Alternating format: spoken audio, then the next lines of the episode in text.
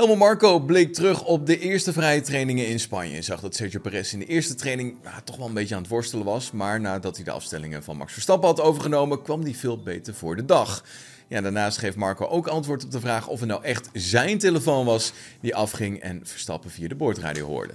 In het weekend waarin iedereen grote updates heeft meegenomen, is er nog steeds Red Bull Racing die bovenaan wist te staan tijdens de eerste trainingen. Verstappen was niet alleen de snelste tijdens de eerste sessie, ook tijdens de tweede sessie wist hij dat kunstje te herhalen, al was de voorsprong wel minder groot. Maar liefst de hele top 17 zat binnen een seconde en het lijkt erop of het veld te dichter naar elkaar aan toe groeien is. Maar er moet natuurlijk wel bij gezegd worden dat het slechts om de vrijdag gaat. Wat betreft de verrichtingen van Perez is Marco duidelijk. De Mexicaan stond tijdens de eerste vrije training weliswaar als tweede op het bord, maar het juiste gevoel was gewoon nog niet aanwezig. Hij is nu richting de afstelling van Max gegaan.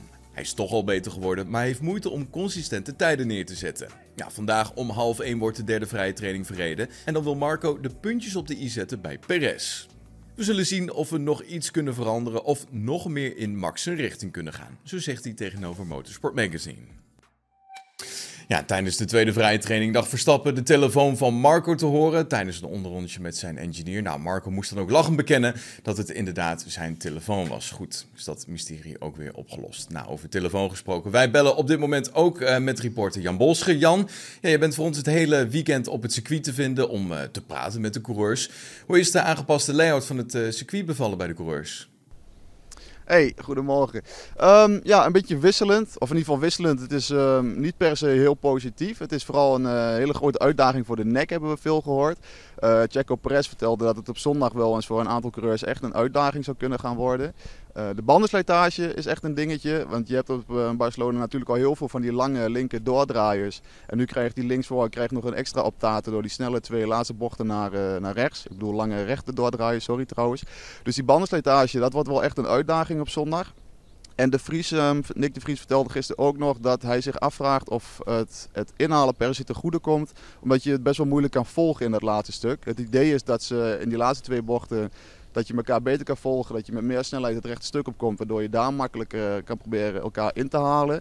Maar Nick zei van ja, eigenlijk is dat volgen daar best wel lastig, dus of dat werkt moeten we ook nog even zien. Dus het wordt nog niet per se heel positief ontvangen, los van dat iedereen het wel over eens is dat die chicane ook gewoon een onding was.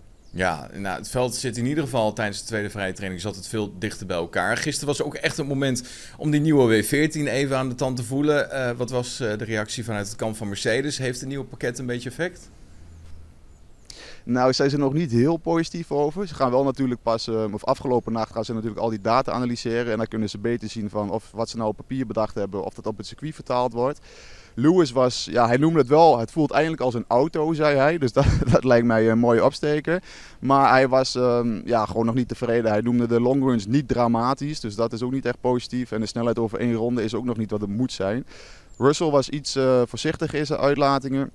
Hij zei van ja, we weten van onszelf dat we geen uh, vrijdagkoningen zijn. We zetten altijd een, sta een uh, stap op zaterdag en zondag. Dus hij verwacht nog wel dat er iets meer in zit. Maar hij zei ook, ja, de verwachtingen waren vrij hoog gespannen. Maar wij zelf wisten wel dat we hier niet ineens de wereld mee in brand gingen zetten. Dus ja, ik heb, het is niet helemaal wat ze ervan gehoopt hebben, krijg ik het idee. Maar het is natuurlijk, uh, we hebben alleen nog maar de vrijdag gehad. Dus ja. we hebben nog ruimte om stappen te zetten. Ja, Hamilton dus iets harder dan Russell. Nou, er zijn heel veel andere teams die updates hebben meegenomen. Is er een ander team nog een beetje positief? bijvoorbeeld Ferrari, nieuwe sidepods. Hoe gaat het daar? Ja, Ferrari heb ik niet veel over gehoord. Als je naar de tijden kijkt, denk ik niet dat ze daar nog helemaal over tevreden, tevreden over zullen zijn. AlphaTauri lijkt wel echt een stap gezet te hebben op het middenveld. Maar ook dan krijg, krijg je weer, ja, je hebt nog maar twee vrije trainingen gehad. Het is een beetje afwachten allemaal nog. Ik denk sowieso dat we daar van de teams vandaag meer over gaan horen. Omdat dus nogmaals um, ze afgelopen nacht al die data gaan analyseren. En dan hebben ze een beter idee van um, ja, of het doet hoe ze het bedacht hebben. Dus Ferrari heeft daar niet per se iets over losgelaten gisteren. Maar ik denk wel dat we daar vandaag meer over gaan horen. Ja, ik hoor allemaal vogels bij jou op de achtergrond. Het klinkt allemaal goed. Uh, mijn weer-app ging deze ochtend af met van dat we echt 60% uh, kans krijgen op regen, onweersbuien, allemaal tijdens de kwalificatie. Nou, jij bent denk ik de beste voor ons om dat allemaal te gaan beantwoorden. Gaan we nou een droge of een regenachtige kwalificatie krijgen? Ja, het weer is heel gek hier. Wij zijn uh, een half uur geleden, toen wij hier naartoe liepen, toen was het echt nog helemaal bewolkt. En toen voelde het ook een beetje regenachtig, zoals je dat soms kan voelen in de lucht. Nu, een, echt een half uur later, is het kraakhelder weer. Alle bewolking is weg. Ik heb net nog even in de weer gekeken. Die zegt dat er een uh, buitje kan komen om drie uur. Dus dat zou vlak voor de kwalificatie zijn. Dus dat zou misschien uh, een leuk extra element zijn. Maar het laat zich echt heel lastig voorspellen hier dit weekend. Het, ja, de regen is constant in de buurt. Maar elke keer als het zou moeten gaan vallen, dan is het ineens weer weg. Dus het is echt even afwachten.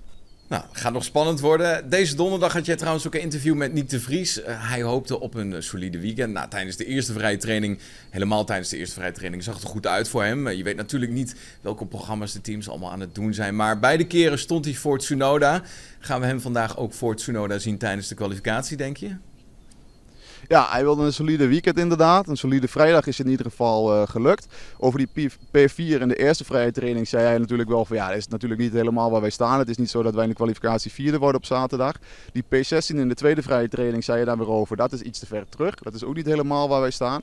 Dat kon je in de tijdenlijst ook goed zien. Want als ik, hij, hij had de 16e tijd en uit mijn hoofd was het verschil met de tijd van de tiende plaats drie tiende. En Nick had een momentje in zijn snelle ronde. Dus als je daar nog iets in die auto weet te vinden, dan ga je al heel snel een aantal stappen omhoog. Dus daar is echt nog wel, uh, echt nog wel wat te vinden. Dus als je een solide zaterdag rijdt en een solide zondag rijdt, dan uh, ja, werkt dat je weer een uitstekend weekend af. Ja, tot slot, kleine voorspelling, top 3. Wie gaat Pol pakken vandaag? Uh, Pol denk ik toch echt wel weer Max. Ik denk ook dat Sergio daarachter staat. En dan vermoed ik dat Alonso er met P3 vandoor gaat. Al is het daar, achter de Red Bulls is het echt één grote, één grote loterij lijkt het. We hebben natuurlijk Ocon al op P3 gezien, Hulkenberg op P3 gezien. Dus het uh, wordt spannend vandaag denk ik. Maar ik vermoed dat Alonso er weer met die derde plaats vandoor gaat. Hoe erg is die gekte nou omtrent Alonso? Natuurlijk uh, echt een, een held, een thuisheld, een Spaanse thuisheld. Gaan fans extra gek nu die daar is? Ja, hij is echt een uh, levende legende hier. Het was gisteren nog maar vrijdag. Ik was ochtends vroeg op het circuit. Maar er liepen er allemaal al uh, fans met uh, Aston Martin petjes en van die hele grote borden met zijn gezicht erop en zo. Het is echt een grote Alonso-paradijs hier. Hij is echt een levende legende. En ja, een beetje sneu voor Sainz want daar zie je vrij weinig van. Je ziet bijna geen Ferrari-shirtjes. Het is allemaal Aston Martin Green. Dus Alonso heeft veel fans hier, dat is uh, absoluut waar. Ja, Jan vanuit Barcelona. Goed, was hem dan het GP nieuws van de zaterdagochtend. Vanmiddag om half één is het tijd voor de derde vrijtraining. En om vier uur ja, kunnen we genieten van die kwalificatie. Wat is jouw top 3? Wie denk je dat de pole position gaat pakken? Laat het weten in de comments hieronder. Dan zien we je vanmiddag weer. Tot dan. Hoi.